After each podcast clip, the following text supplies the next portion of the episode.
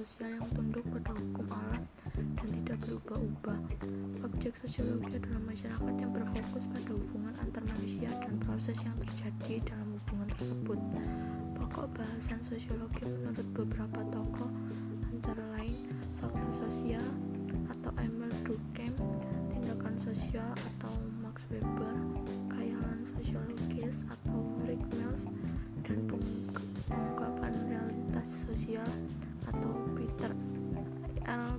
Berger.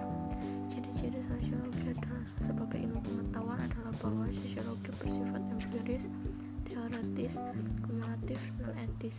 Sosiologi mengenal dua macam metode ilmiah, yakni metode kualitatif dan kuantitatif.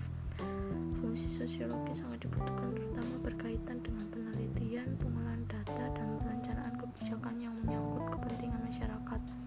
Para sosiolog dapat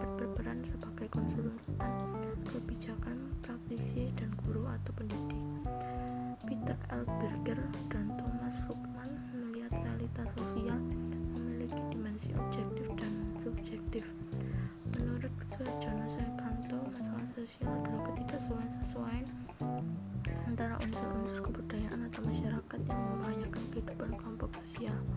Objek kajian sosiologi yang terdapat di sekeliling kehidupan kita meliputi berbagai hasil tindakan yang berbentuk tindakan asosiatif maupun tindakan disosiatif. Kehidupan masyarakat yang dapat dijadikan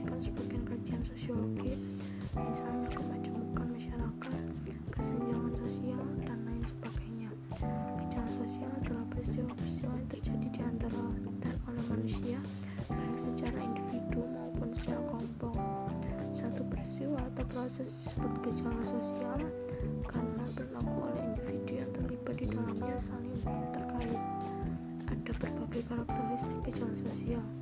Gejala sosial sangat kompleks, beraneka ragaman, tidak universal, dinamis, dan tidak mudah dimengerti.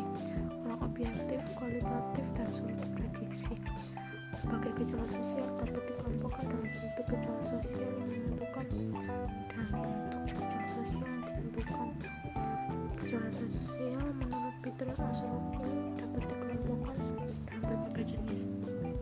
Di antaranya adalah gejala sosial religius, gejala sosial ekonomi, gejala sosial politik, dan gejala sosial hukum. Ada tingkatan gejala sosial yakni sosial mikro, gejala sosial meso, dan gejala sosial makro. Gejala-gejala sosial ini tentu perlu kita